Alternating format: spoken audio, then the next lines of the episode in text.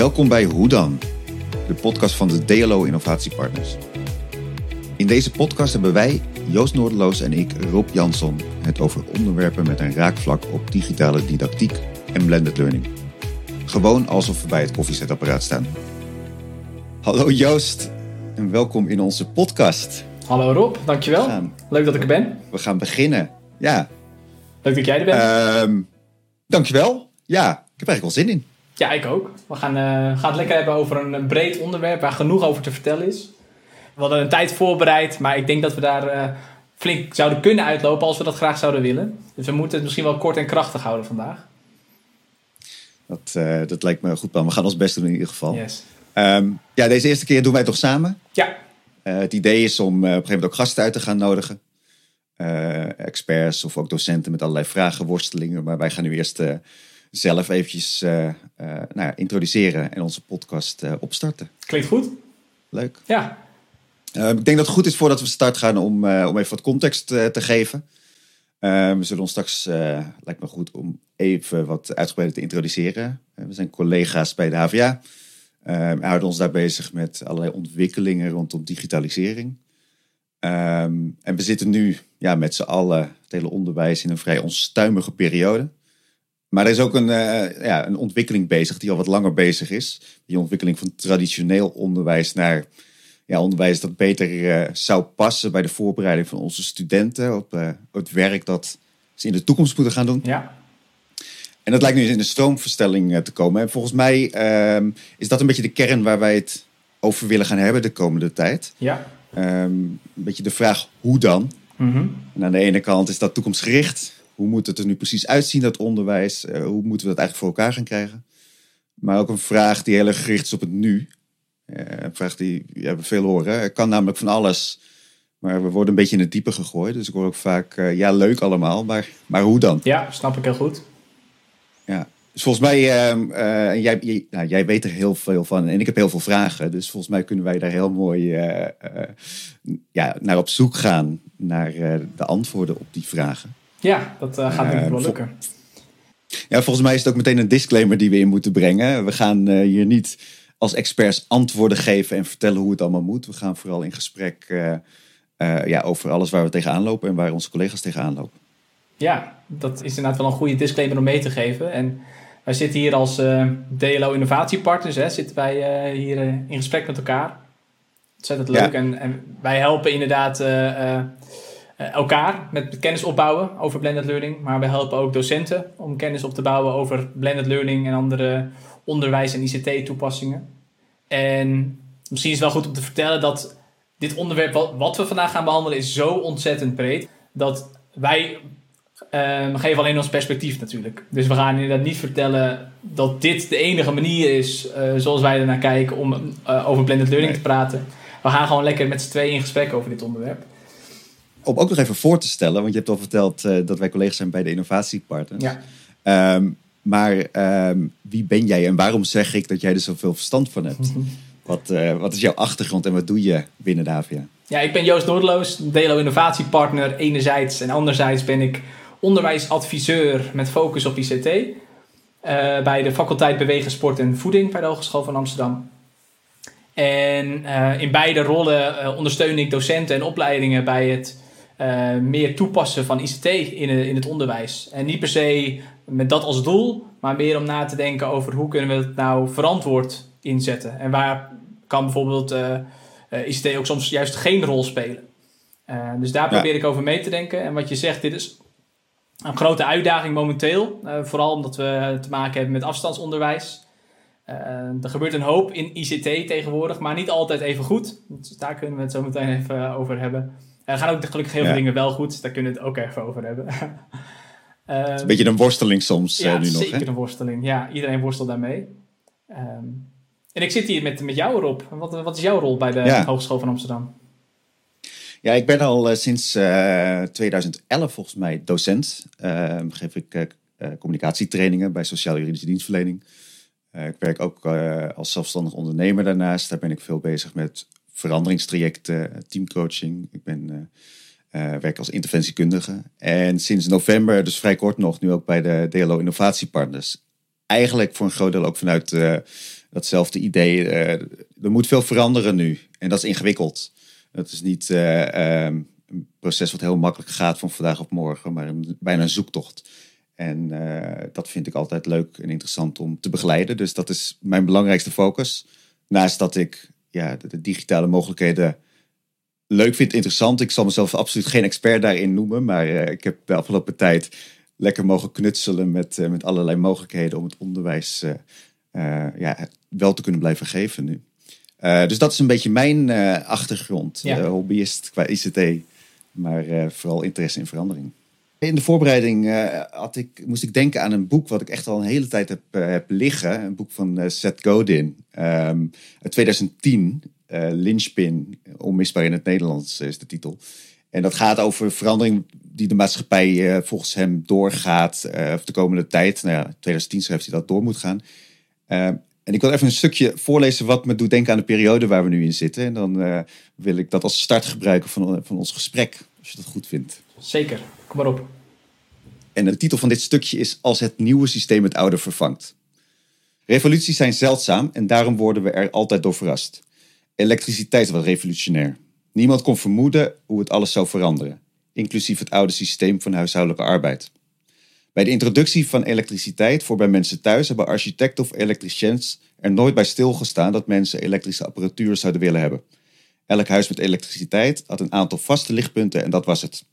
Bij de introductie van de wasmachine was stroom alleen beschikbaar als je een peertje uit zijn fitting draaide en daar het snoer van de wasmachine instak. Honderden mensen werden per jaar geëlektrocuteerd bij het gebruik van wasmachines, omdat het nieuwe systeem nog niet zo goed functioneerde of werd begrepen. Is dat een beetje wat we nu aan het doen zijn, eh, Joost? Dat we een oud systeem hebben. Uh, er zijn allerlei technologische mogelijkheden, maar ja, ik hoor veel frustratie. Dat ken ik zelf ook uh, bij collega's. We moeten alles nu digitaal doen. En we zijn onszelf bijna een beetje aan het elektrocuteren af en toe met, uh, met wat we aan het, uh, aan, aan het doen zijn. Is dat, is dat nu een periode waar we in zitten volgens jou? Ik denk velen van ons wel, denk ik wel. Die herkennen zich daar wel in, denk ik. Die uh, kwamen vorig jaar maart, 2020 maart, kwamen zij in één keer in de coronacrisis terecht. En van op de een of de andere week, misschien zelfs wel een dag voor sommigen, moest het onderwijs van fysiek in één keer naar online. En dan uh, ja, ben je toch wel in één keer. Ja, heb je in één keer te maken met allemaal technologie, technieken die je moet gaan leren begrijpen voordat je ze kan toepassen. En nou, ik denk dat wij in het onderwijs allemaal de leerdoelen van Bloom wel kennen. Normaal gesproken wist je misschien wel welke technieken er waren, kende je Brightspace. Ehm, maar als je het op een gegeven moment ook nog moet begrijpen, dan ga je weer een stapje hoger. Dan moet je het vervolgens ook nog kunnen toepassen.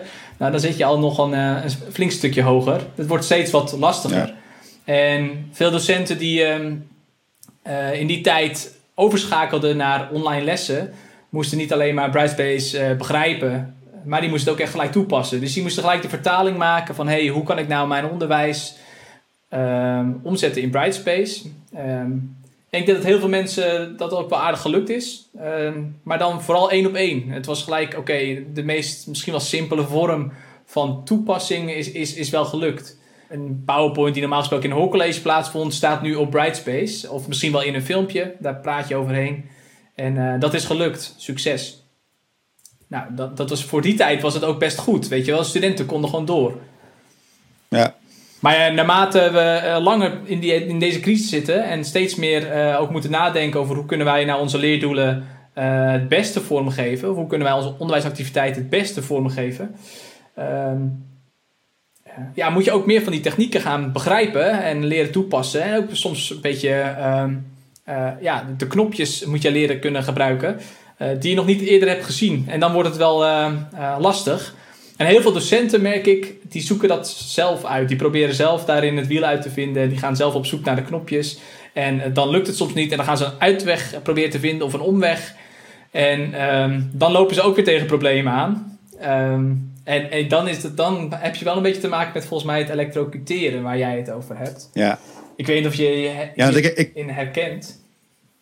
Ja, dat wilde ik net zeggen. Ik herken mezelf hier wel in. Uh, het lukt mij gelukkig vrij aardig door ja, wat je zegt, zelf een beetje uitzoeken. Ik kijk veel op YouTube. Uh, Ehm, ik werd ook gedwongen, vooral als, als ondernemer moest ik wel. Want al mijn werk, eh, wat ik normaal gesproken fysiek doe, dat lag gewoon, gewoon stil. En dan heb ik dus geen inkomsten. Dus ik had echt een grote noodzaak.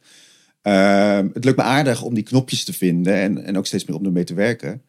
Maar dat is nog niet, ik merk nog niet dat mijn onderwijs daardoor beter wordt. Uh, omdat het ja, losstaande dingen nog zijn. Het is nog niet geïntegreerd in echt onderwijs uh, voor mij. Dus daarom moest ik ook aan denken, ja, die wasmachine snap ik nu wel een beetje. Ja.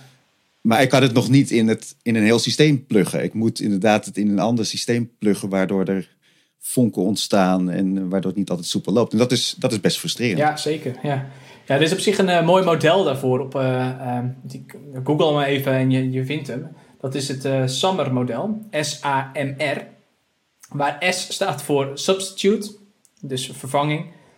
De A staat voor augmentation. Dus dat betekent dat je al een extra verrijking biedt ten opzichte van een vorige toepassing. Dan heb je de M voor modification. Dan ga je nog een stapje verder. Dan vind je echt nieuwe toepassingen uit die je kunt inzetten. En dan heb je nog de R voor uh, redefinition. Dus je gaat opnieuw uh, een definitie meegeven eigenlijk aan een bepaalde toepassing. En ik vind dat wel een mooie schaal om naar, naar toepassingen te kijken. En ik zie dat heel veel docenten um, nog bij de S zitten. Die zitten van oké, ik moet nu vervangen. Ik moet nu iets uh, substituten, zeg maar.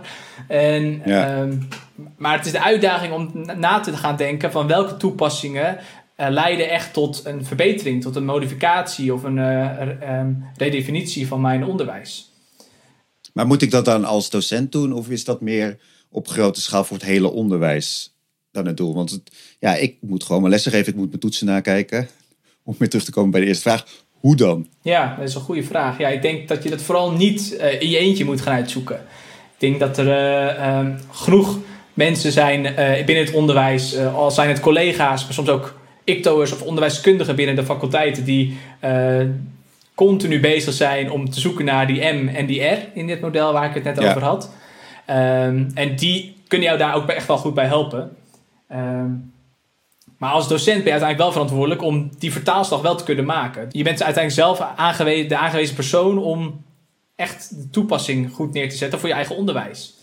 Uh, maar zoek ja. daarin het wiel niet zelf uit. Dus dat is belangrijk, denk ik. Nee, de, de HVA is natuurlijk ook die stap aan het maken. Niet alleen de HVA, ja. uh, wat het er laatst over LinkedIn staat er inmiddels ook vol mee. Niet alleen over de problemen nu, maar ook over de toekomst. Straks als corona voorbij is, de nieuwe normaal. Ja. Het instellingsplan van de HVA uh, 2126 is, is laatst gepresenteerd. Blended learning is daar uh, een term die daar uh, veel in voorkomt. Ja. Dat, dat hoor je veel, hè? We hebben het over blended, blended learning. Wat is dat nu? Want het lijkt dat de toekomst naar blended learning moet. Maar, maar wat bedoelen we daar dan, dan mee? Ik hoor het veel, maar... Ja, ja, het is echt een veelgebruikte term, paraplu-term. het wordt ook... ja, in heel veel vormen wordt het gebruikt. de juiste definitie, zijn ze in de, literatuur zijn ze daar ook nog niet over eens. Dus het is altijd wel een uitdaging om de gezichten dezelfde kant op te krijgen als we het over dit onderwerp hebben. Uiteindelijk gaat het erom dat jij als docent ervoor moet zorgen dat, dat je een leerervaring creëert voor jouw studenten. Um, die tegemoet komt aan nou, jouw leerdoelen, zeg maar. Dus die jij hebt gesteld voor je studenten. En ja. daarmee een leeromgeving benoem ik, expliciet, benoem ik bewust zo, omdat het gaat om de fysieke leeromgeving en de online leeromgeving. En je moet die twee leeromgevingen, eigenlijk de hele leeromgeving van de student, moet je eigenlijk zo weten te ontwerpen dat die dus tegemoet komt aan het leren van de student. Dus ik probeer hem ook echt ja. vanuit dat perspectief te beschrijven. Um, en daarmee uh, haal ik eigenlijk een beetje het uh, definitie van Jos Fransen aan. Dat is een lector teaching en learning van de In Holland Hogeschool. Inmiddels met pensioen helaas. Maar hij heeft een heel mooi definitie geschreven over blended learning. Waarin hij beschrijft, ja, heel vaak wordt blended learning benoemd als iets waar, uh, waar de docent heel veel mee te maken heeft. En dat klopt ook. Maar het gaat er uiteindelijk om dat het learning is het belangrijkste. Blended learning en niet per se blended teaching. Terwijl heel vaak als het gaat om blended learning wordt aangehaald dat er uh, bepaalde activiteiten moeten worden aangemaakt. En uh, dat, dat docenten moeten leren om de digitale leeromgeving goed te gebruiken. Dat klopt ook. Maar de focus ligt daarbij wel op het leren van de student. En die wordt nog wel eens vergeten in heel veel definities. En want ik denk dat het dan een collega van hem is, Nienke Bos. Hè, ook lector teaching and technology ja. staat wij bij. Uh, vervanger zelfs. Die heeft in Science Guide een interview gegeven over wat we nu aan het doen zijn. met heel duidelijk de titel ook erboven. Wat we nu doen, hè, dus het digitale onderwijs nu, is geen blended learning. Betekent dat dat, ehm, dat digitale onderwijs zoals het nu is, dat dat niet hoort bij blended learning? Ehm, nou, ik denk deels wel, deels niet. Blended learning gaat ook uit van, van de context, van de situatie waar we in zitten. Dus uh, het ontwerpen van onderwijs uh, is altijd gemoeid met context. Dat lijkt me logisch. Ik denk dat we nu met ja. z'n allen zijn uh, aangewezen op, op afstandsonderwijs voor, voor een groot deel. En daarin is blended learning, zoals die in veel definities voorkomt, onmogelijk omdat het gaat om een afwisseling tussen online en offline onderwijs of leeractiviteiten. En de offline leeractiviteiten, die zijn er gewoon uh, in heel veel gevallen niet op dit moment. Dus nee. dan kan je niet spreken van blended learning. Maar de vaardigheden die men nu opdoet, waarbij ze nadenken van hé, hey, wat doe ik in de contactmomenten en wat doe ik buiten mijn contactmomenten om? Ehm, dat is wel een vaardigheid die heel dicht raakt aan de vaardigheid van uh, blended learning. Ehm, het ontwikkelen van blended learning van docenten. Want ook in blended learning moet je echt gewoon heel goed nadenken van hey, wat doe ik tijdens mijn contactmomenten offline met mijn studenten en wat doe ik online om die twee momenten zoveel, zo rijk mogelijk te maken voor mijn studenten. Uh, zodat mijn studenten het beste kunnen leren. Maar waarom is dat digitale daarbij dan nodig? Waarom kunnen we niet zeggen, ehm, we doen dat allemaal fysiek? We gaan uh, die, die, oefeningen verbreden, dus we hebben kennis, maar we laten ze ook oefenen. Waarom moet dat dan per se online? Waarom kan dat niet op de HVA of een andere school? Nou, ik denk dat we daar met z'n allen goed over na moeten denken. Van hé, hey, wat zou er dan uh, offline kunnen? En wat is dan die meerwaarde van die online component? En dat is een vraag die je aan mij kan stellen, maar ik denk dat die voor elke context uh, anders is. Uh, maar wat we wel met z'n allen, denk ik, zeker weten, is dat ICT in bijna alle sectoren waarvoor wij onze studenten opleiden, uh, een grote rol speelt of gaat spelen. Dus ja. dat vind ik altijd wel grappig, dat altijd wordt gezegd dat ICT is het middel en niet het doel. Ik zou dat soms wel andersom ook willen, toch wel willen benoemen. Dat soms is ICT ook het doel, want onze studenten moeten leren met ICT om te gaan.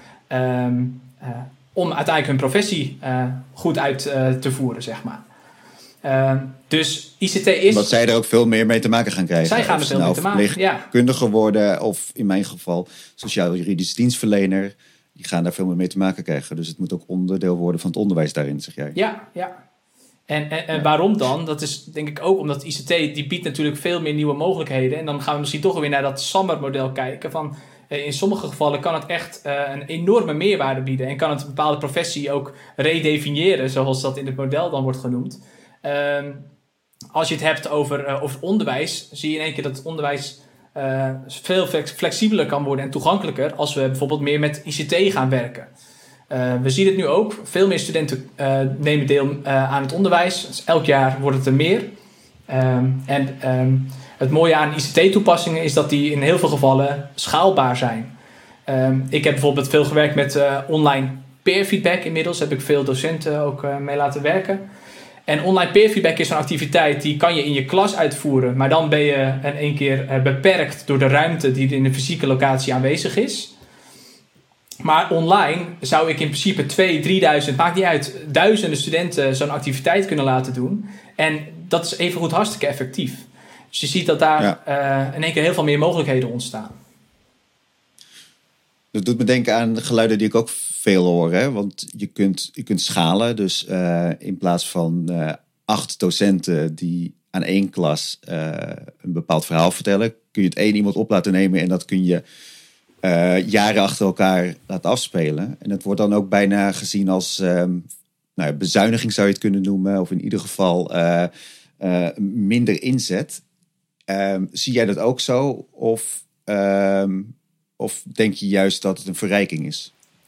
Nou, ik denk dat als we het perspectief van bezuiniging meenemen, dat, dat zou ik echt zonde vinden. Als we vanuit bezuinigingsoverwegingen meer blended learning gaan toepassen, dat lijkt me niet de juiste insteek.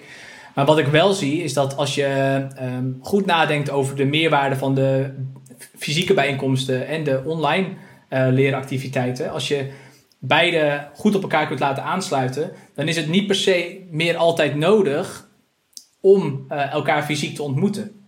En ik zeg niet dat het onbelangrijk is, maar ik zeg meer dat soms kan een online leeractiviteit meerwaarde bieden. En soms kan een offline activiteit een meerwaarde bieden. En wat we nu in de meeste gevallen doen, is alles op de campus. Wat ik op zich mooi vind. En ik zou ook zeggen van studenten zoek elkaar op en de docenten zoeken de studenten op. Ehm, maar er is af en toe ook gewoon echt wel iets voor te zeggen om dingen juist online te doen. Ja, ja uh, Nienke Bos, om dat, uh, dat interview weer even aan te halen. Die zegt volgens mij ook, jij zei net, we moeten gaan nadenken, wat is de meerwaarde van het online? Zij draait hem zelfs om. Zij zegt, die vraag zou je misschien zelfs moeten vervangen door, wat, wanneer heeft fysiek een meerwaarde? Uh, en dat je daar dus op gaat inzetten. Dus dan is het ook niet misschien een. Um, de docenten um, hoeven niet minder les te geven en dus uh, is de bezuiniging. Maar ze hebben tijd over om fysiek die meerwaarde toe te voegen. Ja.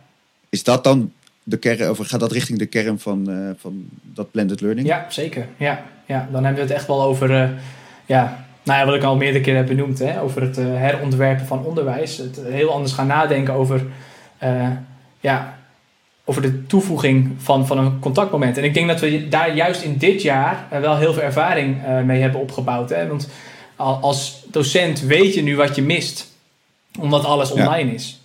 En als je weet wat je mist, kan je daarop juist op inspelen bij nou ja, de post-corona tijdperk.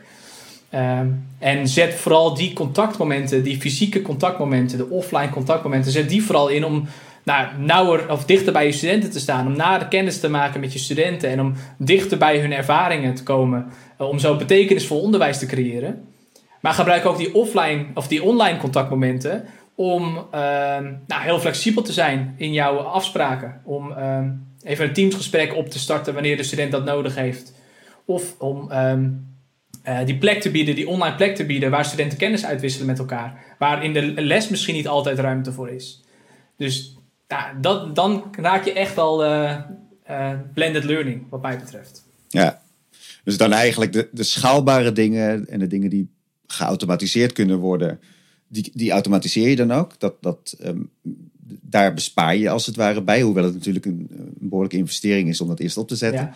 Maar dan maak je dus tijd vrij voor voor dat contact maken. Voor um, dat één op één of in kleine groepjes uh, studenten door een barrière helpen als ze een denkfout maken of dat soort dingen. Ja. Of ze door een lastige tijd helpen, uh, niet weten wat ze bij de studie willen en, en die gesprekken voeren. Ja. Dus dat je minder kennis overbrengt en meer, uh, ja, meer op het het men, menselijk contact, wat nu vaak gezegd wordt, hè, dat missen we nu. Maar dat je daar meer tijd voor maakt. Ja, ja, en dat is een heel belangrijk punt. Die moeten we denk ik echt bovenaan zetten.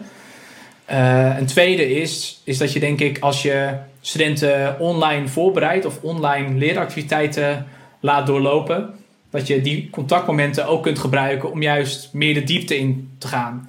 En nou ja, ik denk dat de term flip the classroom bij heel veel docenten wel een belletje doet rinkelen concept wat al jaren eigenlijk bestaat en heel erg ook als ehm, toepassing van blended learning wordt gebruikt.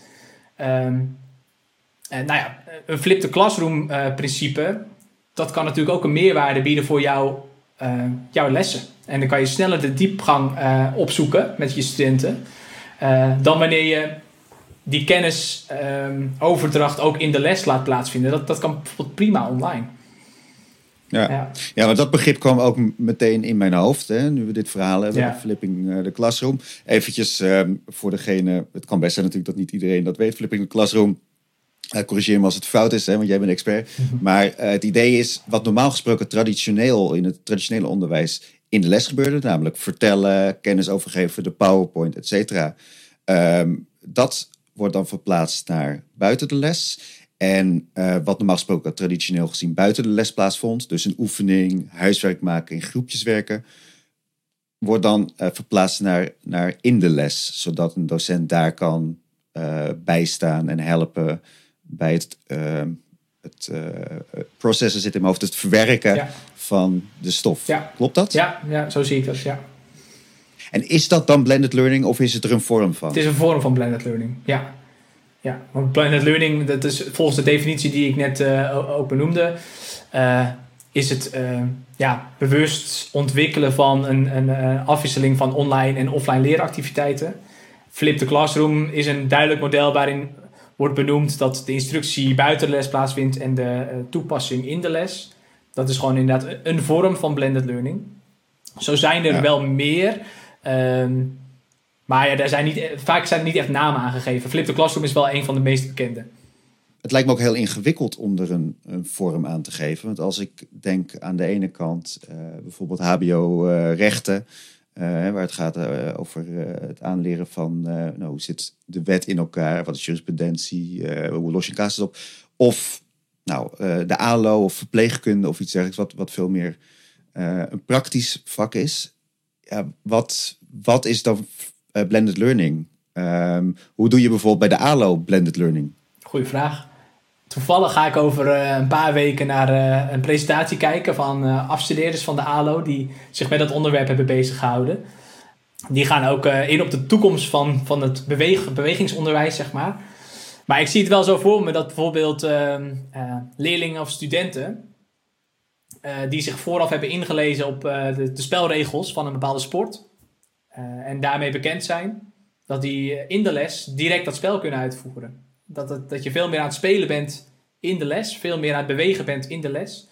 En dat de docent niet alles van alles hoeft voor te doen. Want je, ik denk dat we onze gymlessen van vroeger nog wel herkenden. Je zat vaak toch op dat bankje te wachten totdat groepen werden ingedeeld, totdat je de uitleg van de, student, van de docent had gehoord.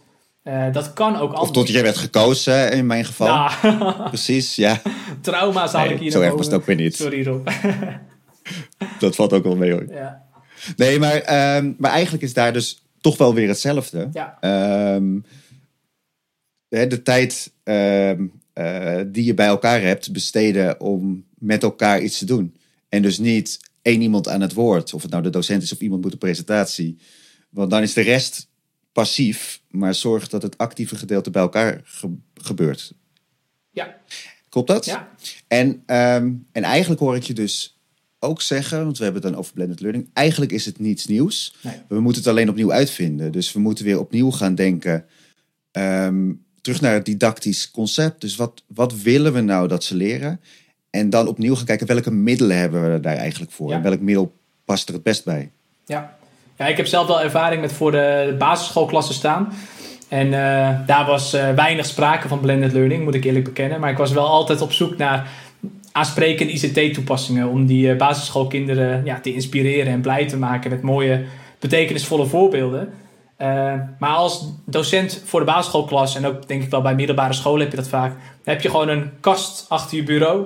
En daar staan allemaal ja. materialen die je kunt gebruiken om bepaalde instructies uh, te visualiseren of duidelijker te maken voor studenten die daar, of leerlingen die daar behoefte aan hadden. En uh, die kast is niet langer fysiek meer. Uh, die kast die is nu ook online. En ja. als docent moet je weten wat er in die kast staat, um, die online kast, om uh, de toepassingen goed in te kunnen zetten. En normaal gesproken bij de PABO werd daar goed aandacht aan besteed. Dan wist je wel waar die middelen allemaal voor dienden. Maar um, ja, volgens mij in het hoger onderwijs hebben we in weinig lokalen hebben we zo'n kast staan, zo'n fysieke kast. En moeten we het vaak hebben van een, uh, nou, een digibord, waar natuurlijk heel veel mooie dingen mogelijk mee zijn. Uh, maar ook om echt goed na te denken, wat kunnen we nou met die online kast, met die online omgeving, waar ook allemaal van dat soort middelen in staan. Denk aan een uh, Feedback Fruits interactieve video. Je, je bent niet langer passief een video aan het kijken. Je kan studenten nu uitdagen om kennis met elkaar uit te wisselen tijdens het kijken van die video. Nou, dat is iets Ja. wat eerder niet mogelijk was. Maar dat, dat kunnen wij nu in, in onze digitale leeromgeving. En daarmee, En dan hebben we het over Brightspace. Hè? Brightspace is de digitale leeromgeving van de HVA. En Feedback Fruits is een tool die daaraan gekoppeld is.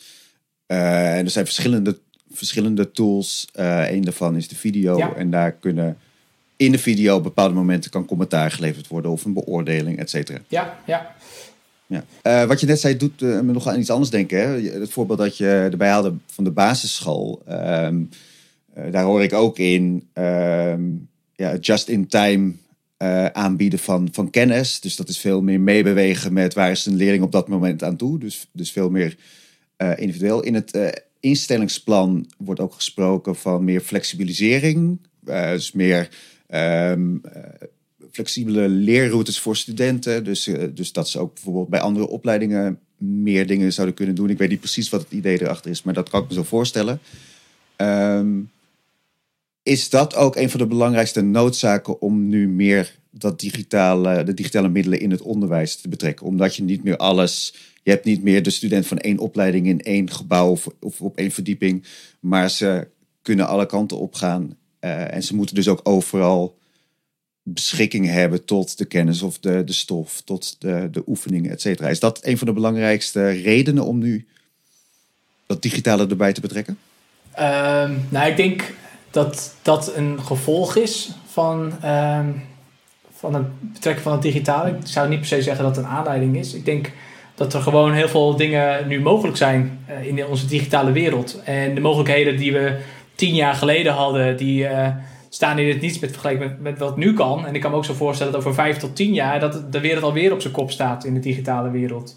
Um, en we komen, de afgelopen tien jaar zijn er gewoon heel veel toepassingen bijgekomen die um, heel dicht staan bij waar onderwijs ook voor staat. Um, samen kennis opbouwen en uh, de student aanspreken, voortbouwen op kennis die de student al heeft.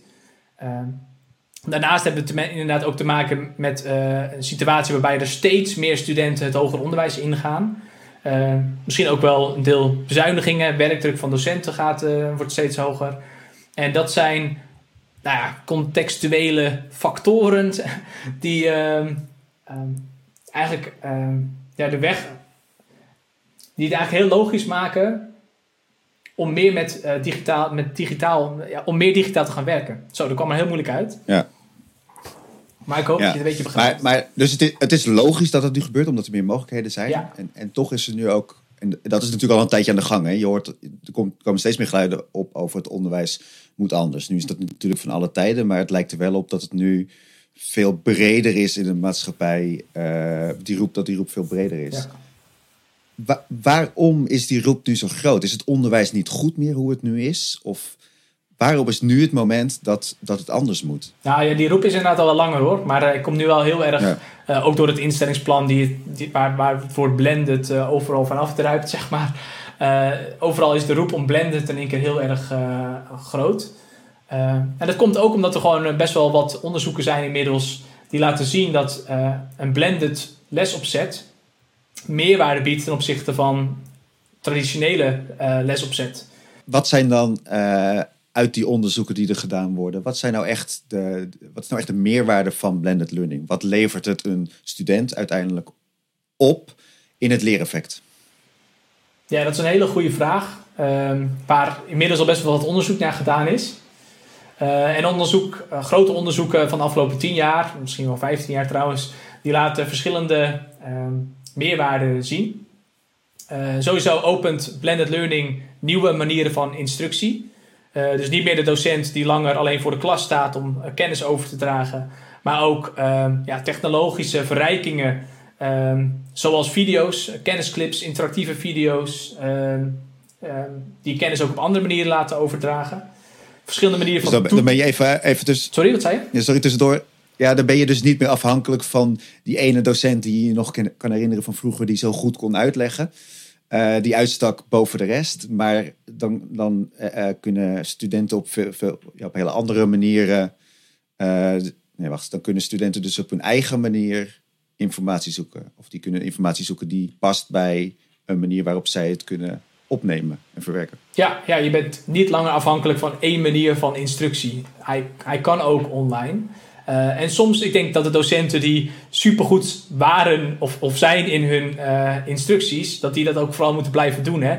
Uh, dus het is niet zo dat omdat er nu technologische middelen zijn, dat dat allemaal niet meer nodig is. Uh, dat helemaal nee. niet.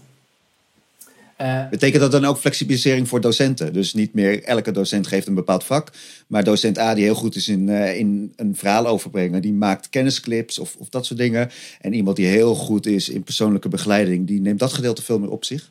Dat is, is dat ook een voordeel? Ja, zeker. Kijk, een instructie die je eenmaal op, op, op video hebt gezet, die kan je natuurlijk delen met andere docenten. open onderwijsmaterialen, onderwijsmiddelen. Dat is een beweging die ook al een, een aantal jaren gaande is. Um, biedt ook heel veel kansen ehm, voor, voor het onderwijs. Ehm, als er een docent is ik zeg maar wat, bij de TU Delft, die hartstikke mooie aansprekende lessen kan geven over, over statistiek. Wie zijn wij dan om dat niet te gebruiken? Ehm, wij kunnen die natuurlijk die beelden ook gebruiken. Die kunnen wij toepassen in ons onderwijs. En dan tijdens de lessen kunnen we met studenten daarover uh, over in gesprek gaan. We kunnen de verdieping opzoeken. En daar ben je als docent dan wel weer leidend in. Dus je staat veel dichter, het opent kans om veel dichter bij jouw studenten te staan. Ja, dus, dus, dus veel meer aansluiting in de manier van, hè, dus van informatie overbrengen en hoe iemand het op kan nemen. Zowel vanuit de kant van het onderwijs als uh, voor de, de student. Ja, ja.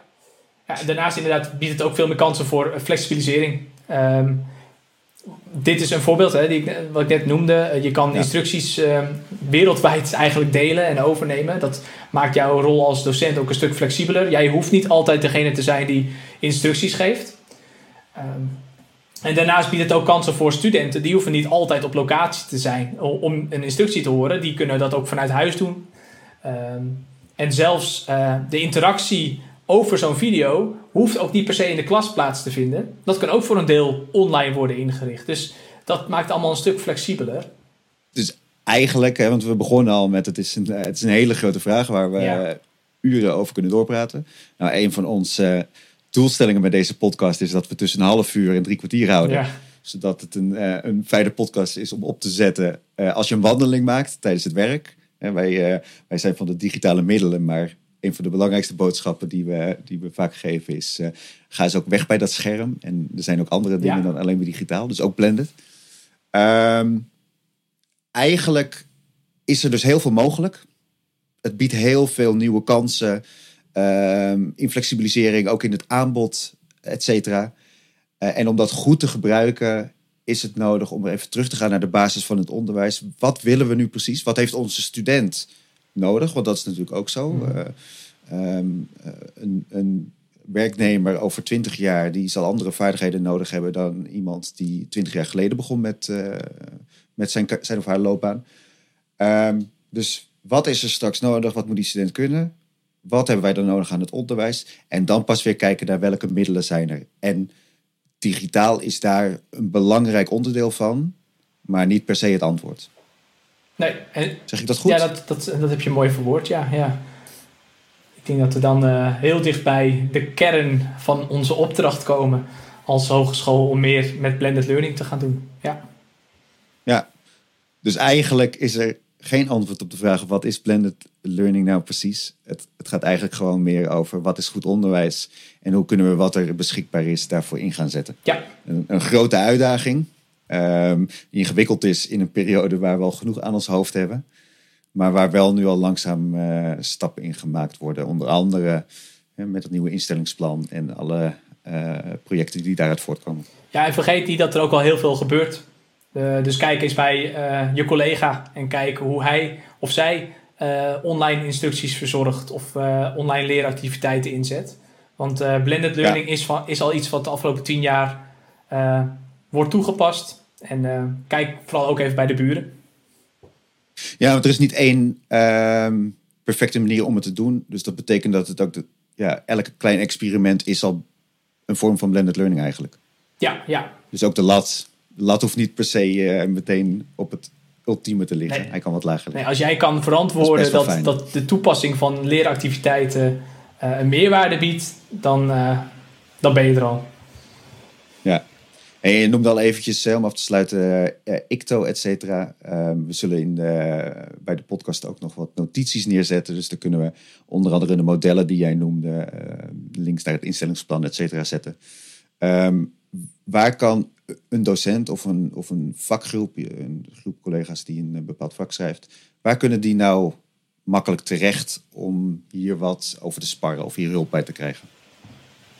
Nou, als het gaat om uh, het, het, herontwerpen van je onderwijs, dan kan je terecht bij jouw uh, ICTO'er of ONO'er of ehm, onderwijskundige van jouw faculteit. Vaak als je vraagt naar ONO, dan kom je uiteindelijk op de goede plek eh, terecht. Eh, maar als je nou een meer technische vraag hebt van hey, hoe werkt dit knopje, Eh, hoe werkt deze tool precies, dan kan je beter terecht bij jouw eh, functioneel beheerder. Eh, die helpt je met die vragen. Ik denk dat eh, dat de kortste klap is. Helder. En eh, we, we hebben ook nog, eh eh, de DLO Innovatiepartners hebben een, een mooie website, digitaalonderwijs.mijnhva.nl. Daar staan ook die links op, dus die, die zullen we er ook wel inzetten, denk ik. Zeker. Ehm, ik, ik, ehm, ik had heel veel vragen, veel antwoorden gehad, toch niet een duidelijk beeld. Maar wel, ehm, eh, ik, ik snap wat beter welke kant we op willen gaan. Dus dat, dat vind ik leuk. Wat is het belangrijkste waar jij je nu de, de komende periode mee bezig gaat houden? Wat, wat, wat voor projecten spelen er nu eh, die je leuk vindt, waar, waar je mee bezig bent in deze ontwikkeling? Nou, ik zie heel wat ontwikkelen, ontwikkelingen die gaan naar het meer gebruik van formatieve feedback, voor formatieve evaluaties, eh, waarbij feedback dus een belangrijke rol speelt. En ehm, nou ja, ook in deze tijd kwamen we er wel achter dat feedback eh, ontzettend belang- belangrijk is. Studenten willen horen hoe zij erbij zitten, hoe het gaat met hun ontwikkeling. Ehm is ook voor een groot deel natuurlijk eh, contact met je studenten. En ehm, dat is een van de grootste uitdagingen op dit moment om dat ook online goed in te richten. Eh, en daarnaast natuurlijk ook zometeen de beweging naar eh, de post-corona, eh, post-corona-tijdperk. Daar ben je nu al mee bezig. Ja, toch wel een beetje aan het, aan het kijken van hey, hoe, ehm, wat doen we nu al goed? Wat willen we vooral houden? En Ja. wat willen we zo snel, waar willen we zo snel mogelijk vanaf? Die vragen stel ik me wel. Ja, precies. ja, leuk. Ja, en we gaan er natuurlijk vanuit dat, het, eh, dat we snel weer eh, de HVA binnen mogen. Daar hopen we in ieder geval op. Ja. Want eh, hoe leuk wij soms het digitaal ook wel vinden. het, heeft absoluut, het, het is heel fijn om weer gewoon in de HVA rond te lopen en die studenten te zien of de mensen met wie we werken. Zeker, ja. Ik heb daar heel veel zin in. Ik denk dat we hem af kunnen ronden dan nu. Ehm, niet voordat wij ook nog een oproep hebben gedaan. Want dat is ook wel een belangrijk iets. Hè. We willen eh, niet alleen over alle dingen die kunnen, daar willen we aandacht aan besteden. Maar ook, eh, er zijn genoeg frustraties en vragen en dingen waar individuele docenten tegenaan lopen. Ehm, dus stuur ze ook vooral naar ons op. Ehm, we zetten daar een eh, link voor eventjes ook weer in de, in de notes, denk ik. Ehm, we horen graag de vragen, dat kan naar de DLO Innovatiepartners, waar je antwoord op zou willen hebben.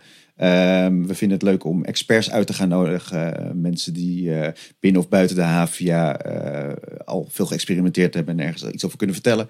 Dus ehm, geef ons alsjeblieft veel input voor vragen om te verkennen in deze podcast. Ik vond het leuk, Joost. Ik vond het ook heel erg leuk. En ik wil misschien nog een Mooi. kleine aanvulling doen op, wat je, op je oproep van net. Ik wil ook graag Ja. mooie voorbeelden horen van docenten. Die had ik niet, niet, niet voorbij Ja. Horen komen. Maar als docenten al heel erg trots zijn op wat ze hebben gedaan de afgelopen jaar, dat, dat horen wij ook heel graag. Nou, dat eh, lijkt me een mooie aanvulling eh, op de oproep. En dan eh, gaan wij bij onze digitale brievenbus zitten wachten op de eerste vragen. Zodat we weer de volgende podcast op kunnen nemen. Ik ehm, ga je gedag zeggen. En ehm, veel succes met wat je gaat doen vandaag. Dankjewel. Veel achter het scherm waarschijnlijk weer. Ik hoop niet te veel. Eerst even naar Ik buiten. ga nog wat nakijken. Ja, heel goed. Ik ga nog wat nakijken. En ehm, dan spreken we elkaar de volgende podcast weer. Ja, super. Dankjewel Rob. Dank je. Doei. Hoi. Dit was weer een podcast van de DLO Innovatiepartners. Wil je de podcast terugluisteren of meer inspiratie opdoen over digitale didactiek en blended learning? Kijk dan op digitaalonderwijs.mijnhva.nl. En heb je een vraag of een onderwerp waarvan je denkt dat het interessant is als Joost en ik dat met een gast bespreken? Neem dan ook contact met ons op via deze site.